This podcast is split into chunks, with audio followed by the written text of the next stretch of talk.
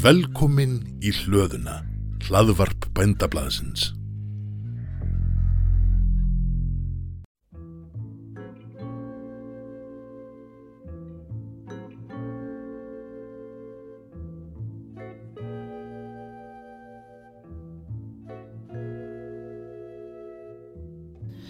Þetta er þátturinn afstafa. Ég heiti Guðrún Hulda. Íslandingar gangað kjörborðinu þann 21. september næstkomandi og kjósa fulltrúa sína á alþingi til næstu fjögur ára. Tíu flokkar eru í frambóði. Við hjá bændablaðinu erum forvitin um afstöðu flokkana til hana ímsu málefna innan landbúnaðar og áherslur þeirra á því sviði. Ég hef því bóðið einum frambjónda frá hverju frambóði til að tala máli flokksins í þessari þáttaröð. Og hér hjá mér núna er fulltrúi frá Pírötum. Já, góðan daginn. Ég semst heiti Magnús Nordal og er oddit í Pírata í, í norðvestur kjördami og starfa sem lágmaður svona dagstælega. Eh, mér dreymdu nú um það þegar ég var yngri og dreymdu nú stundum um það enn að, verða bondi einhvern tíman á, á, á lífsleðinni. Við sjáum hvort að það verði. Eh, þá var ég mikið í sveit sem krakki á eigilstöðum og fjölskyldum minni þar. Um, og það bara demba okkur spurningar. Já, endilega. Ok. Markmið bænda og ríkis virðast vera skýr. Að standa vörð um afkomi bænda og að tryggja sem hafkomast verð fyrir neytendur. Eru þið sammúlað þessum markmiðum og hvernig sér þið fyrir þér að unni sér að þeim og ná meiri árangriði en verið hefur? Já, við erum, við erum sannarlega sammála uh, þessu markmiði og við teljum að, að leiðin að þessu markmiði sé svo að, að leggja miklu áherslu á nýsköpun uh, á þessu sviði og þá teljum við ennfremur að það þurfi að lögfesta að, að starfsfólk í landbúnaði að það sé ákveðin lámars grunnframfæsla sem sé tryggð. Það er auðvitað bagalegt að þurfa að hlusta á það að bændur skuli verið þeirri stöðu að ná ekki endum saman. Eh, það, það er staða sem við eigum ekki að þurfa að vera í en við pýrataleggjum miklu áherslu á, á nýsköpun og au, auki frelsi í kerfinu. Og hvaða leiðir sér þú til að bæta afkomina? Já, það mætti hugsa sér að, að, að það væri lögfest ákveðin lámars uh, framfæsla bænda og annara sem að starfa í, í landbúnaði, kannski eitthvað í ætt við, við, við borgarlaun og þá umræðu sem þar hefur verið og varðandi nýsköpununa sem ég nefndi hér áðan að þá er það auðvitað svo nú að, að það kerfi sem við erum með að það, það er svolítið, við getum kannski nota orðið þröngt, þú þarfst að framleiða þetta magna þessum tíma með þessum hætti og þá færðu styrki. Við þurfum að auka frelsi þannig að bændur geti gert annað og meira en það sem nú er gert en samt sem áður fengið styrki til þess. Við sjáum bara það sem er verið að gera utan styrkjakerfis í dag. Ef að, ef að, ef að það sem bændur, eru í berja og baunarækt og þörungarækt og kornarækt, hunang og hampur, það eru alls konar svið nýsköpunar landbúnaði sem eru utan styrkjakerfis. Ef við hugsaum okkur að, að, þetta væri nú allt inn í því kerfi, hvað væri hægt að gera mikið og sjá mikla framþrún í þessum viðnaði okkur öllum til heilla. Já, um, og hvaða aðgerðum bændum í hag hyggst flokkurinn þinn beita sér fyrir á næsta kjörtumubili? Já, það er svo sem bara þetta sem ég nefndi að, að ringa til í kerfinu, auka frelsið að styrkja kerfið sé ekki svona nýður njörfað, að þú getur fengið uh, styrki til annarar framleiðslu en þessarar hefbundnu og, og auki sveigurum til að feta þið áfram í, í, í þeirri nýsköpun sem við viljum sjá á sviðinu, þannig að við myndum vilja grípa til þess að, að auka nýsköpun hjá bændum mm -hmm. á forsendum þeirra sjálfra. Hvernig á fyrirkomulag ofinberð stuðnings til ambúnaðar að vera háttað? Já, við búum hér á norður hér að veraldar og, og það er alveg ljóst að, að það verður ekkit landbúnaður í þessu landi nema hann njóti stuðningsins ofinbera þannig að, að ég tel að það þurfi að, að vera styrkir frá hann ofinbera til, til bænda bara til þess að landbúnaðar fái hér þrývist. Allt annað er bara óskikja. Um, hvernig á ríki að styðja við umhverfistefnu bænda? Það er náttúrulega að gera með, með ímsum hætti. Uh, ég vil nú nefna það að, að, að við píratar okkar umhverfistefna það var, fekk verlun fyrir tveim vikum. Það verið að bera saman umhverfistefnum flokkana og, píratar skoruðu þar hæst en í samhengi landbúnaðar þá hlýtur það að vera þann mætti hugsa um einhverja jákvæða kvata ef að, að tiltekin bóndi er, er að framleiða sína vörum um hverju svænum hætti út frá einhverjum skilurum sem þá hafa verið sett að þá geta hann eftir, eftir aðtökum áttur rétt á einhverjum svarið er þá með for, í formi jákvæðra kvata fjárhásleira Um, hver, hver er stefna flokksins gagnvart tollvernd á landbúnaðarafurðir? Já, það, sko, þetta er nú, þetta er nú tvískipt. Það, það er stefna pírata, sumra, uh, að það eigi að fella niður tolla og innflutningshöft í áfengum og þar til að það verði ekki. En rétt eins og í öðrum flokkum, það var náttúrulega ákveðin tókstreit á milli, milli landsbyðar og, og, og, og borgarinnar. Ég persónlega er þeirra skoðunar að ef við myndum farið það núna að fella niður alla tolla og innflutningshöft, þá myndi það auðvitað vera stort högg fyrir landbúnaðin sem við myndum alls ekki vilja sjá. Þannig að ég persónulega og, við Pírati Norðvestu kjörðum kannski teljum það ekki tímabært að gera það núna og, og erum ekki að tala fyrir því en, en vissulega eru sömur Píratar sem, sem það gera en, en sem betur fer þá eru, eru Píratar opin flokkur sem að fólki er nú heimilt að hafa ólíkar skoðanir. Við stundum ekki skoðanarkún hérna hjá okkur, þurfum ekki öll að standa í sömu línöndilega. Um, hver er, hvernig sér þinn flokku fyrir sér að tryggja samkefnisæf rekstrarskilirði penda? samkeppnishæfur ekstra skilrið bænda, jú það er bara þetta, ég, þetta ber alltaf sama brunni að hafa auki frelsi, að bændu sé ekki niður njörfaðir og festir í þessu kerfi sem þeir eru, heldur geti gert eitthvað annað og meira en samt sem áður noti stuðningsins ofinbera nú við, það eru einmist tækifæri á Íslandi e, í landbúnaði. E, það er mikil áhersla í dag á, á lífrænt og, og heilnæm matvæli og þar held ég að séu mikil sóknarfæri fyrir íslenska bændur. Með hliðsjóna náttúrufari okkar hér og hversu ómengað okkar góða land er. En svona miða við ekstra skilirinn núna í, í, í samkeppni við innfluttum matvæli, viltu eitthvað svona bæta við þar? Nei, svo sem ekki annað en það sem ég vísaði til áðan. Ég hef mikla reyfusendur um það að, að hér er ég að annama tolla og innflutningshöft. Mm -hmm. Allavega eins og staðin er núna, þá er það ekki tækt. Þa, það myndi vera of mikið högg fyrir landbúnaðin og við verðum auðvitað að hafa landbúnað í þessu landi og vera sjálfum okkur næg. Ég held að það sé allir sammála því. Hvernig á að tryggja að framleiðsla innlendra og innfluttra matvæla lúti sömu kröfum? Já, það er einfallega að það séu settar sömu kröfur, gagvart hérna innfluttum og, og innlendum matvæla afurðum, hvað var þar öryggi þeirra og, og dýravelferð og slíkt og það hlýtur þá bara að vera í form einhvers konar, einhvers konar eftirlit sem að er framkvæmt hér á landi þar sem að sömu kröfur eru gerðar hvað, hvað öryggi matvæla varðar og, og dýravelferð.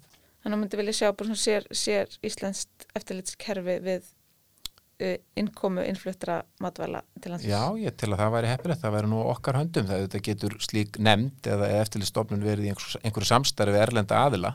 Það er náttúrulega alls konar vottunar kerfi sem að, sem að alþjóðleg sem að hægt er að styðjast við mm -hmm. en í grunninn á þetta þetta að vera hendi innlendra aðila. Mm -hmm. um, áttu upp á slag? Á upp á slag? Já, já, já, já, já. það er hérna hérna sem heitir Somewhere Over the Rainbow sem er mjög fallett það, hérna, það var uh, söngværi frá Hawaii bandarískur uh, hvað heit hann? Easy Kawasaki mhm, eitthvað mm -hmm. sem syngur þetta lag og er með svona banjo þegar hann spilar á það. Ukulele. Já, ukulele segi afskalega svona angurvært og fallett lag sem að mjög, mjög skemmtilegt að lusta og spilaði brúköpi mínu, korna minnar meðal annars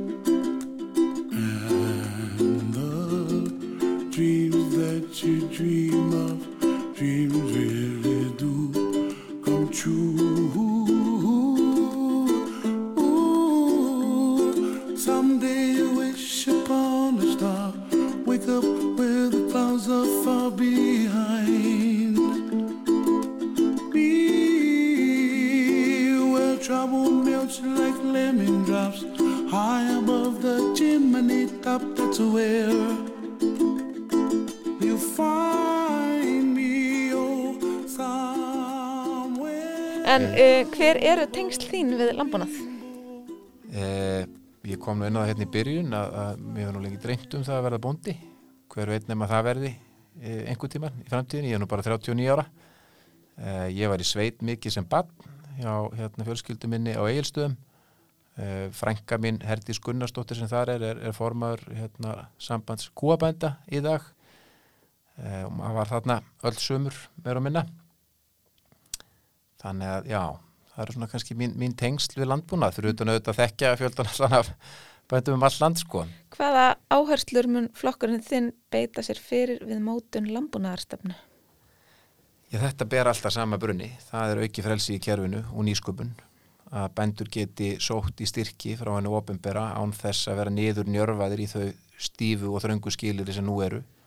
Þannig að, og þetta hangir saman. Það er þessi auki frelsi í kerfinu til þess að fá styrki og nýsköpun, þetta eru bara tvær hlýðar á sama, sama peningi, þannig að þetta er, þetta er á, ákveðin klifun en, en þetta er okkar skoðun í þessum álflokki.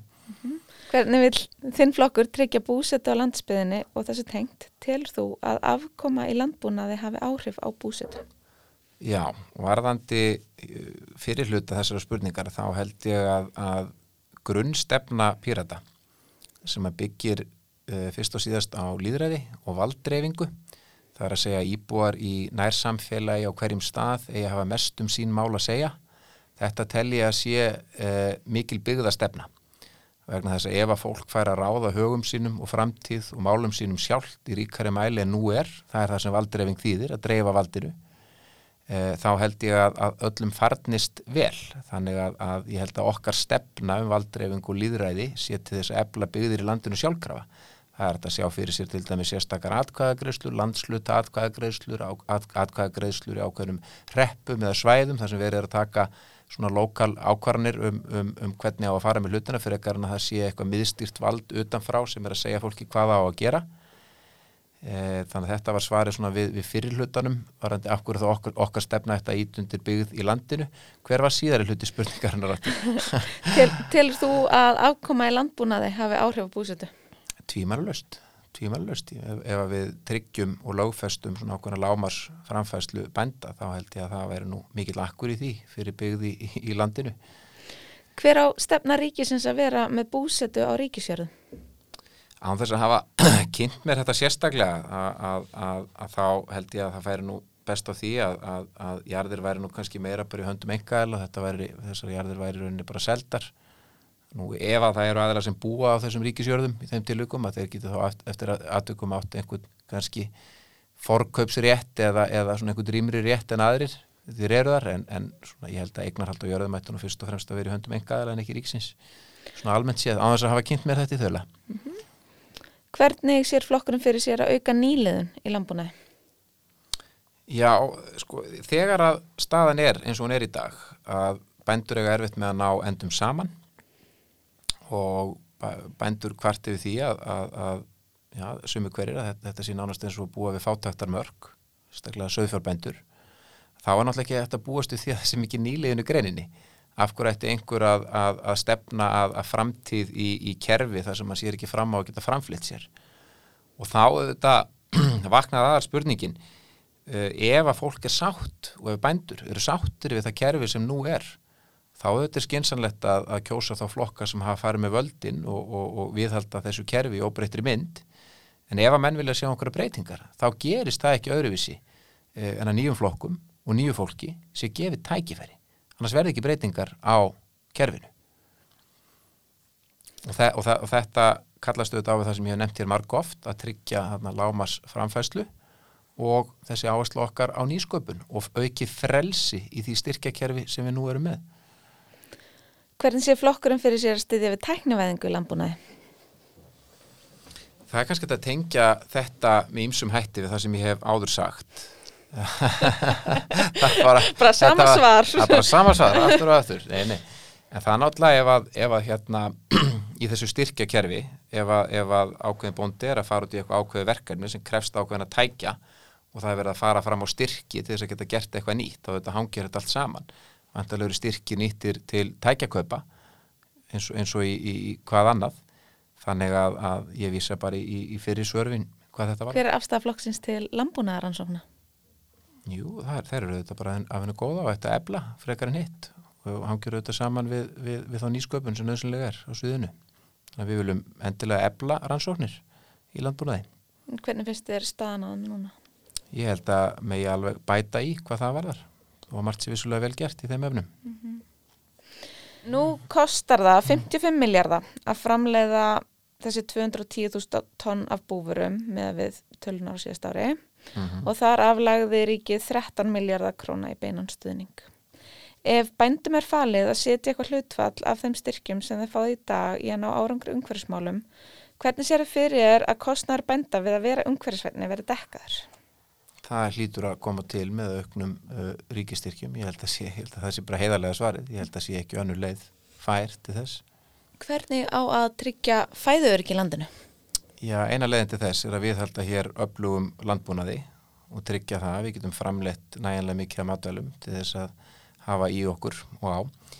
E, ég held að það ástand sem við sáum á síðustu tveimur árum varandi faraldu koronaviru hafi ítrekkað mikilvægi fæðuöryggis og að þjóður séu sjálfum sér nægar í þeim efnum. E, aðflutningsleiðir lokuðust auðvitað tímabundið í upphafi þessa faraldurs þráttur að þær hafi síðan opnað Eh, við getum vel ímyndað okkur verri aðstæður en þessar, einhverja skæðari veiru eða heimstyrjaldir eða náttúruhamfarir og þá þetta skiptir þetta gríðarlega miklu máli að, að öflugur landbúnaður sé hér í landinu og við getum verið sjálfum okkur næg og fæður ekki sér tryggt. Frábært. Ég þakka Magnúsi fyrir samtalið. Svör annara frambjóðanda við sömu spurningum getur þú, hlustandi góður, fundið undir þáttaheitinu Afstafa X21 hér á hliðinni. Takk fyrir.